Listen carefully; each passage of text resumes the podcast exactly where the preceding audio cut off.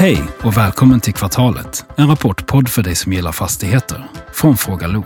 I detta avsnitt hör vi Magnus Andersson, VD, och Maja Dahlén, CFO, på Aros Bostad kommentera bolagets rapport för första kvartalet 2023.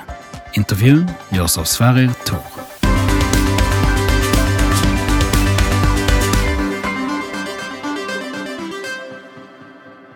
Hej och välkomna tillbaka till kvartalet och särskilt välkommen till Maja Dahlén, Tack. CFO på Aros. Ny CFO på Aros. Tack. Och Magnus Andersson, VD. Tack, tack. Allt är bra med er? Absolut. Absolut. Mm. En härlig dag. Ja, det tycker jag. Det är en väldigt solig och fin dag, om inte annat. Men det är också en väldigt bra rapport. Verkligen. Mm. Och jag tänker att vi ska börja med att släppa in Niklas Höglund så får han ge sin dom.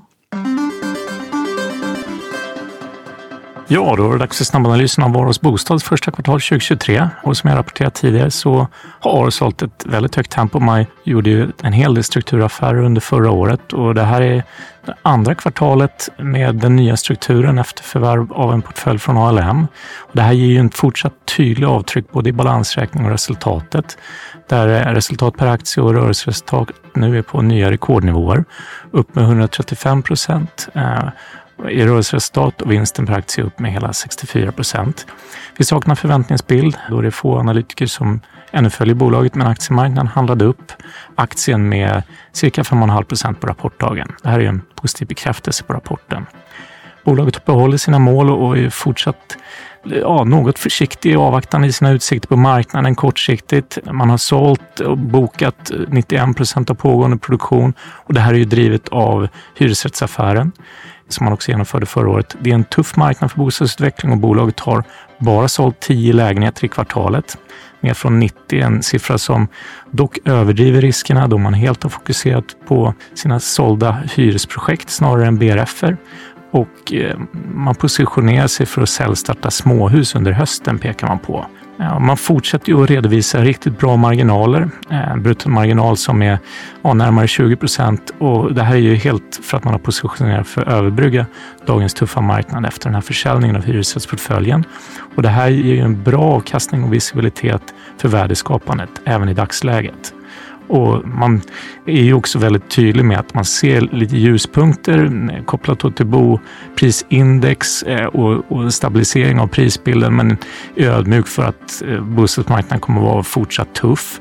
Men man hoppas kunna dra igång de här projekten under hösten. Tre negativa. Stigande byggkostnader är en orosfaktor, särskilt för hyresrättsportföljen där man har säkrat intäkterna men löpande kommer att säkra kostnaderna. Sen har vi boprisindikatorn och svaga disponibla inkomster som riskerar att pressa BRF och småhuspriserna ytterligare. Eh, det har ju faktiskt utvecklat sig lite positivt sista månaden, men det är ju betydligt högre finansieringskostnader som kommer att slå igenom, eh, både när det gäller bostadsutveckling och, driva kostnader där. Och, det riskerar också att fortsätta begränsa försäljning och byggande även av hyresrätter nu när byggrättsportföljerna fyllts på. Tre positiva. Det är framgångsrikt förbättrat rörelseresultat från pågående produktion, vilket kommer att ge bolaget en starkare bas att växa och utnyttja dagens tuffare marknad. Det visar om inte annat den här rapporten. Hög visibilitet för intäkterna givet hyresrättsförsäljningen till en stark motpart och tydligt stöd från byggrättsvärderingarna med låga ingångsvärden och där ALM-affären även adderar breddning av ägarbasen och stärker kvaliteten ytterligare i pipeline, främst kring småhus. Och slutligen så landar det i flexibilitet för värdeskapande och tillväxt, vilket leder till samma budskap som tidigare att om Aros fortsätter på det här viset så är det något som aktiemarknaden kommer att ta fasta på och så småningom premiera. Tack för det Niklas. Jag tänker då innan vi börjar prata rapporten Maja, då får du presentera dig lite. Du är ju Ken Wendelins efterträdare. Det stämmer. Och Mm. jag är ju ny som CFO men jag är definitivt inte ny på Aros utan jag har ju jobbat här sedan 2017 så att Okej. jag känner bolaget väl. Och det är ju ett fantastiskt team att jobba med här på Aros. Så att eh, när jag fick den här möjligheten att ta den här tjänsten som CFO så var det svårt att motstå. Jag har jobbat länge inom fastighetsbranschen, kanske lite annorlunda bakgrund för jag, innan jag kom till Ares så var jag många år på Fastighetsverket så det är en liten annan del av den här världen. Jag bor i Stockholm och halvtid i Järvsö. Järvsö. Ja, Där, där kommer Lill-Babs ifrån va? ja det stämmer. Mm, bra. Då har vi fastställt det. Eh, jag tänker, det är ganska skönt att kunna leverera en sån här rapport när du, som din första som CFO. Verkligen. Ja, vi har ju tjatat om det här, i, det här med segmentsrapportering och redovisning och IFRS-redovisning. Och IFRS brukar alltid vara mycket sämre. Men nu är den bättre. Ja, hör och häpna. Ja, och det är kul. Eh, kan inte du förklara lite vad, vad har hänt nu? Jo, ja, men och det är egentligen det som har hänt i IFRS-redovisningen. Det, det som vi också pratar om till del när vi eh, redovisar rapporten. Att vi har en hel del tillträden. Vi har tillträtt 188 bostäder under kvartalet och det är ju det som också ger en effekt i IFRS-resultatet. Om man tittar på segmentsresultatet så vinstavräknar vi ju projekten successivt under projekternas genomförande medan vi i IFRS-redovisningen redovisar vinsten i samband med att kunderna tillträder. Mm. Och, och det, det ser man ju också nu då i IFRS-resultatet. Precis, och det är ju väldigt många. Och då tänker jag Magnus, i en tid då bostadsmarknaden har ju dödförklarats i stort sett. Mm. Om inte annat så av Lennart Weiss så har han gjort det. Mm. Då är det ganska skönt gissar jag att kunna leverera och att kunderna verkligen mm. liksom, ja, verkligen. håller det de, de har lovat. Ja, absolut. Du har helt rätt. Vi, vi lämnar över väldigt mycket projekt och färdigställer och det är väldigt skönt. Och det är precis som du säger, vi är inne i en osäker marknad men vi ser ju också att vi har en väldigt hög grad vi kallar det konverteringsgrad, alltså man skriver ett förhandsavtal och sen ska skriva ett, upp, ett upplåtelseavtal och sen tillträda sin bostad. Så hade vi under 2018-19 en ganska, jag kan inte säga problem, men det var ganska stora volymer av kunder som inte kunde tillträda. Det har vi inte sett nu, utan vi har väldigt hög konverteringsgrad. De flesta har faktiskt skrivit sina avtal och flyttat in i tid. Eh, sen har vi haft lite olika grepp i de här pågående bostadsrättsprojekten där vi har ställt ut räntegarantier för att på något sätt kompensera de förändrade räntekostnaderna i föreningarna och sådär. Men på det stora hela har det gått över förväntan skulle jag nog säga. Det har gått väldigt bra att eh, göra alla de här inflyttningarna. Mm. En, så, en sak som jag, jag tror jag har frågat den här tidigare, men, men ni, ni levererade ett, eller eh, det var ju överlämning av, av ett projekt i CBRIM. Ja. I Orminge va? Mm. Eh, räknas det med också som ett tillträde i de här siffrorna? Alltså när hyresrätterna tillträds, räknas de på IFRS eller har man någon annan typ av redovisning där? Nej, det blir samma redovisning. Eh, däremot så skiljer det sig lite i segmentsredovisningen därför att de har man inte det här samma att man ser de aktiebolagen som de projekten ligger i ser man inte som oberoende på samma sätt som man ser bostadsrättsföreningarna som oberoende. Så att de eh, bolagen konsolideras in även i segmentsredovisningens balansräkning. Men däremot själva vinstavräkningen sker precis på samma sätt. Okay. Och när det gäller just Orminge då, O2 Orminge så de, och de tillträdena så var de efter kvartalets utgång så de är inte inkluderade ja, i de 188. Så det blir en bra rapport igen? Ja. Nästa kvartal? Stämmer. Vi guidar, vi guidar ingenting, men vi hoppas När det gäller tillträdda, tillträden av bostäder så. Ja, ja. Och sen är det ju ett till projekt som ska överlämnas till CBR i, i år va? Det stämmer. Det, affären med CBR den gjorde vi faktiskt innan vi gjorde affären med Patricia, som vi gjorde förra året. CBR-affären gjorde vi i Q2 2021. Så det här är, och det inkluderade två projekt, ett i Täby och ett i, Orm, i Nacka i Orminge. Så Orminge har vi lämnat över nu i april och eh, det i Täby kommer vi att lämna över i september. Så att det kommer under det här året. Så att det är den första, som vi skriver i rapporten, det är egentligen det första hyresrättsprojekt som vi lämnar över och det gör vi enligt tidplan och det är ju för oss ett bra kvitto på att den här affärsmodellen fungerar väldigt bra. Mm. Det är en bra komplement till bostadsrättsaffären. Jag inser att du precis guidat om näst, nästa rapport också. Ja, jag gjorde det. Ja. Vad bra. Och sen har vi ju då den stora affären då med, med, med Patricia. Kan, mm. Hur stor var, var CBR i förhållande till Patricia? CBR-affären var ungefär 210 bostäder totalt. Okay. Det är 105 bostäder i vardera projektet ungefär. Och eh, Patricia-affären var ju totalt sett nästan 900 bostäder, mm. 878. Och bara femöringen är större än, än de här två? Ja, precis. Det stämmer. Femöringen är 213 enheter så att mm. bara femöringen är större. Så att eh, det är betydligt större volym i Patricia-affären och där, de projekten kommer att börja överlämnas 2025 och framåt. Okej. Okay. Bortsett från det här, det känns nästan overkligt att vi pratar om det här eh, liksom, jag läste innan jag kom hit så läste jag även Willems rapport. Jag ska intervjua dem strax också. Men, men, och den var ju onekligen eh, nästan en besvikelse mm. utifrån vad de brukar leverera. Mm. Alltså ni, ni verkar ju på en marknad som är otroligt utsatt mm. och som har drabbats väldigt hårt av det mm. ekonomiska läget. Mm. kan tänka mig att det känns lite overkligt att kunna leverera sådana här resultat. Alltså, det vi ser nu det är ju verkligen resultatet av de här två besluten, både CBRE-affären och Patricia-affären, att den här, som vi säger, strategiska växlingen till att satsa på hyresrätter. Det såg vi ganska tidigt och, det är det vi ser frukten av nu, att vi har kunnat hålla uppe produktionsvolymerna, vi kan starta projekt, vi kan vinstavräkna projekt. Hade vi bara stått kvar i bostadsrättsaffären så hade vi haft en helt annan verklighet att ta hänsyn till. Så att, äh, det känns ju fantastiskt skönt att kunna visa att vi kan fortsätta hålla fast vid bra marginaler och bra rörelseresultat. Och mm. framförallt mm. att vi kan öka omsättningen. Mm. Mm. Och, och, ni har ju inte bara, ni har ju kört igång byggen också, eller det har ni gjort på de här hyresrätterna, men ni mm. har också fått markanvisningar. Ni har väl kört igång ett, ett bostadsrättsbygge också? Va? Ja, mm. det har vi gjort. Det vi gjorde, och det är också efter kvartalets utgång så pressmeddelade vi att vi har tecknat ett entreprenadavtal för ett radhusprojekt. Och det som vi säger i rapporten är att vi, vår syn på det här är att vi kommer att komma ut i en marknad, säg 2024 framförallt, där vi har en ordentligt återhämtad bostadsrättsmarknad. Och då måste vi planera nu för att kunna i större utsträckning än tidigare börja starta upp ERF-projekt. Och det här är ett sådant exempel. Och det vi har då, det är ju väldigt mycket småhusprojekt, relativt små eh, projekt, alltså enskilda projekt, men vi har flera som är placerade på många olika geografier i Stockholm. Vår tanke är att vi nu i takt med att marknaden kommer tillbaka ska börja portionera ut och komma in tillbaka in i bostadsrättsaffären igen. För mm. den har ju i princip varit helt nedstängd. Vi har ju inte säljstartat eller produktionsstartat något bostadsrättsprojekt de senaste kvartalen överhuvudtaget. Men nu förstod jag det som på ditt överord att ni har valt att inte säljstarta. Alltså ni har, ja.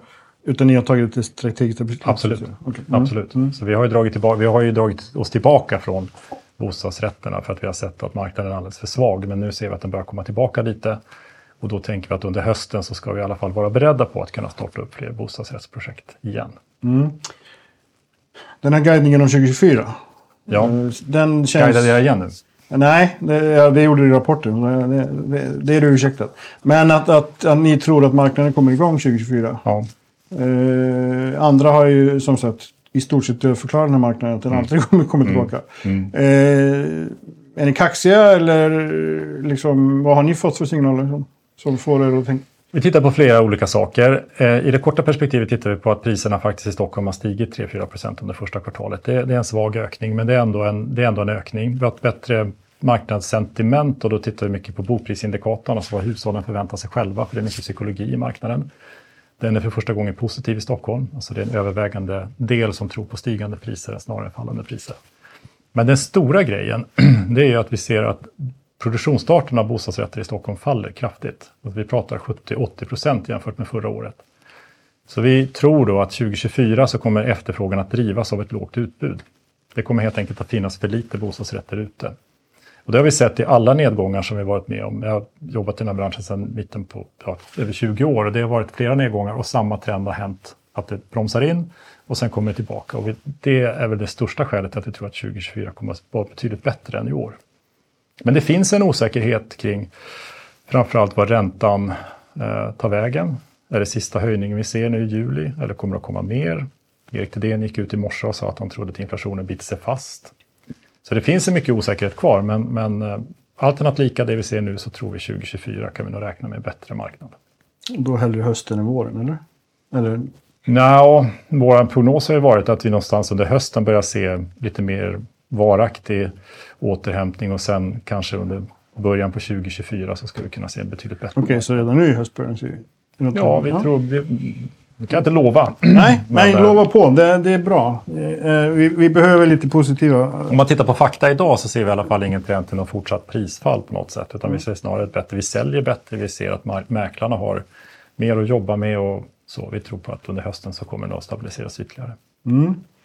Eh, nu kommer den klassiska frågan som jag har frågat. Eh, med tanke på, eh, nu börjar ni leverera de här eh, hyresrättsprojekten och, och liksom, ni har gjort två stora affärer. Mm. När, när, kommer liksom, när kommer det här bli liksom ett bestående inslag? Så att ni har en hel avdelning som bara jobbar med, med hyresrätter?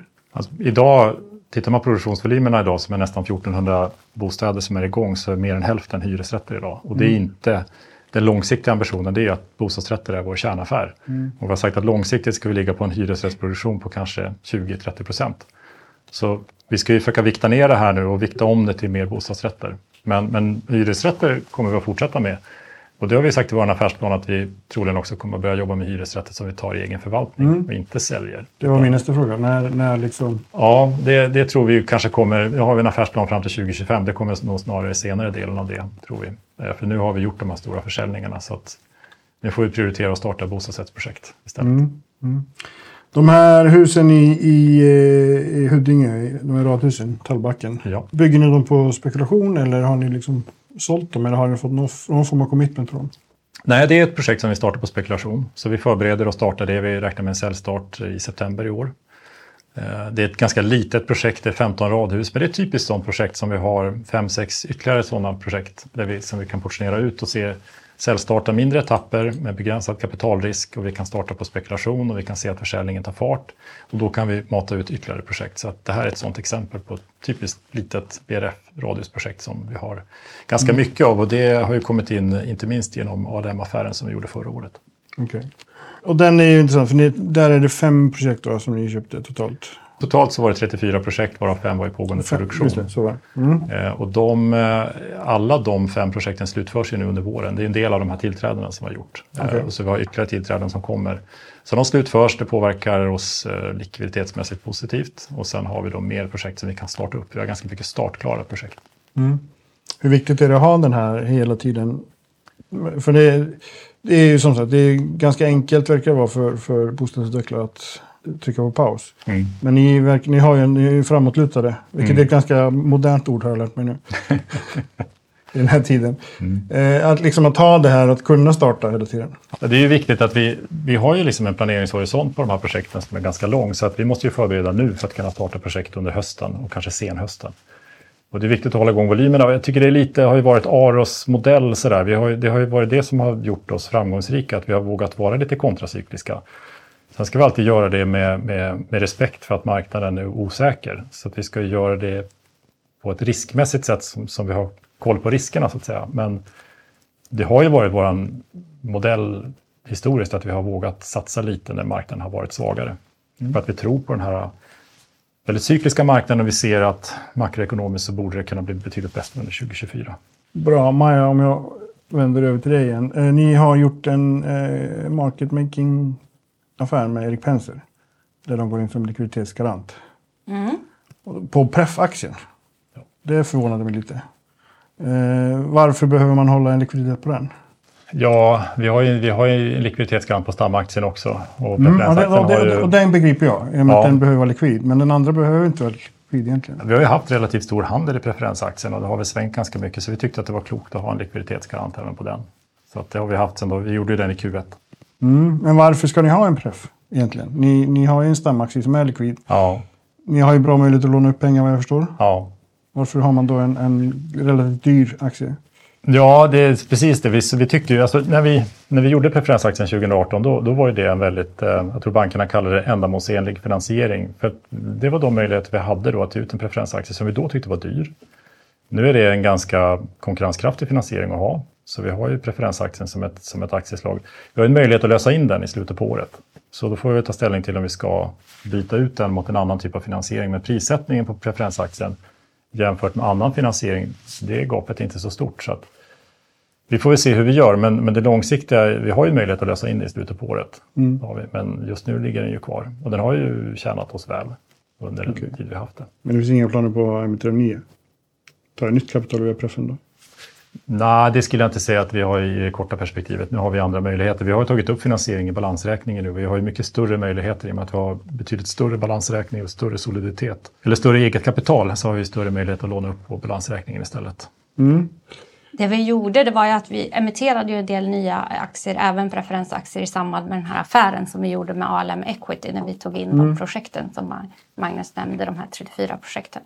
Okej, okay, okay. Men hur ser finansieringsläget ut nu? Som sagt, jag har förstått att ni, ni, ni har ju möjlighet att ta en pengar, men det är tuffare för alla. Det är tuffare för Vasakronan. Liksom. Jag gissar att det är också tuffare för er. Absolut, så är det ju. Samtidigt som den tillväxt som vi har i bolaget eh, i vår balansräkning och så gör ju också att vi blir mer intressanta för bankerna att prata med och vi kan ju visa upp en eh, balansräkning som är roligare för dem att titta på och eh, ha mer diskussioner. Mm, mm. Eh, behöver ni ta in kapital nu? Eller ni har, jag såg att ni har 70 miljoner i kassa ungefär. Om jag inte minns fel så ni har inte fått betalt än för, för Patricia-fastigheterna. Det får vi ju tillträde va? Nej. Precis, så vi har, vi har inget behov av att ta in kapital. Utan det vi har det är att vi, vi har ju kommande tillträden, både CBR-affären under året men även ganska mycket mer bostadsrättsprojekt. Så vår likviditet, det guidar vi på att vi ser att det här kommer att ha en positiv likviditetseffekt på verksamheten. Så vi har inget, i det korta perspektivet, något behov av att ta in mer kapital. Okej. Bra, det är det så bra en dag. Men jag tänkte, vad skulle kunna gå fel i, i er guidningar egentligen? Men det här liksom är 2024 och, och ja, fj- 15 radhus är väl inte någonting som kommer sänka bolaget. Nej. Om, om det går fel. Men finns det något, liksom, var är smolket i glädjebägaren? Jag tror osäkerheten den, den ligger ju i hur, um, hur bostadsrättsmarknaden kommer fortsätta utvecklas och det är ju räntan, det är kopplat till räntan. Um, räntan, be- det, det nyproduktion, alltså osäkerheten idag på marknaden, vi, vi ser att vi har en ganska rimlig volym bostäder som omsätts på marknaden. Men nyproduktion är väldigt drabbat för att våra kunder de tar sina beslut långt innan inflyttning och då vill man veta vad är förutsättningarna för mitt bostadsköp, vad kommer räntan att vara, hur kommer kostnaderna att se ut. Jag skulle säga att det är den helt avgörande frågan. Om räntan stabiliseras och vi ser en tydlig nedgång i inflationen, då kommer vi ha en marknad som börjar ta fart under hösten, tror jag. Eh, sen byggpriserna, där ser vi att det börjar mattas av. Eh, vi har inte sett några breda prisnedgångar, men att den trenden också fortsätter, för det är viktigt för att vi ska få ihop vår affär, att vi får stabilitet i, på kostnadssidan också. Så de två faktorerna, det är väl de stora påverkansfaktorerna på hur marknaden kommer att återhämta sig. Bra, jag hade en fråga till som jag kom på. Ni, ni bygger inte bara hus, ni bygger ju organisationer också. Ja, Eh, Maja, du, du är nytillträdd som CFO. Ni har tillsatt eh, chefsjurist, ni har tillsatt en transaktionschef, men även en, en COO. ja. Vad liksom, är ni riggade för klivet uppåt nu eller? Ja, absolut. Det, det för det första de här rekryteringarna vi har gjort av Maja och eh, chefsjurist, eh, finans och transaktionschef, det är Emmy och Daniel. Det är ett fantastiskt styrka för vi kan göra det internt. Vi kan stärka ledningen. Vi har bra kompetens internt, så det är ett styrketecken tycker jag. Sen rekryteringen av David är ju ett led i att fortsätta stärka verksamheten. Vi har vuxit, vi har 18 projekt igång nu. Eh, bara för några år sedan hade vi 5-10 projekt igång. Så att vi har ju vuxit verksamheten och behöver stärka styrningen ytterligare för, för den fortsatta verksamheten. Vi har integrerat den Al Alma-affären som handlar väldigt mycket om småhusproduktion. Relativt nytt för oss. Eh, och sen har vi hela hållbarhetsagendan där vi måste driva förändringen i hur vi driver våra projekt. Så att det känns väldigt skönt att David har kommit in och eh, med stor erfarenhet och kompetens kan fortsätta driva den frågan för oss. Bra. Maja, nu får du en fråga som är pliktfråga just när det gäller Aros. Jag tror Magnus kanske anar vad det är. Vet du vad Aros betyder? Eh, ja, alltså jag har ju hört lite olika versioner på det här men eh, det finns eh, kopplingar till åmynningar och östra och västra. Och Bra. Ja, åmynning. jag, skyller, jag skyller på eh, Samir. Ja, bra. då så, då är det sista frågan och den får ni båda. Vad är det som håller er vakna på nätterna? Det är samma som alla får i kvartalet. Räntans utveckling. Alltså jag sover gott på nätterna för jag är så trött när jag kommer hem för vi jobbar hårt hela dagarna här på kontoret med att hantera de här förutsättningarna och möjligheterna som också finns. Så att, Bra. jag sover gott. Bra svar. Stort tack, hörni. Tack ska ni ha.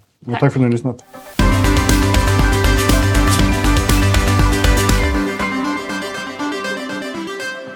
Det här programmet görs på Beppo. Beppo.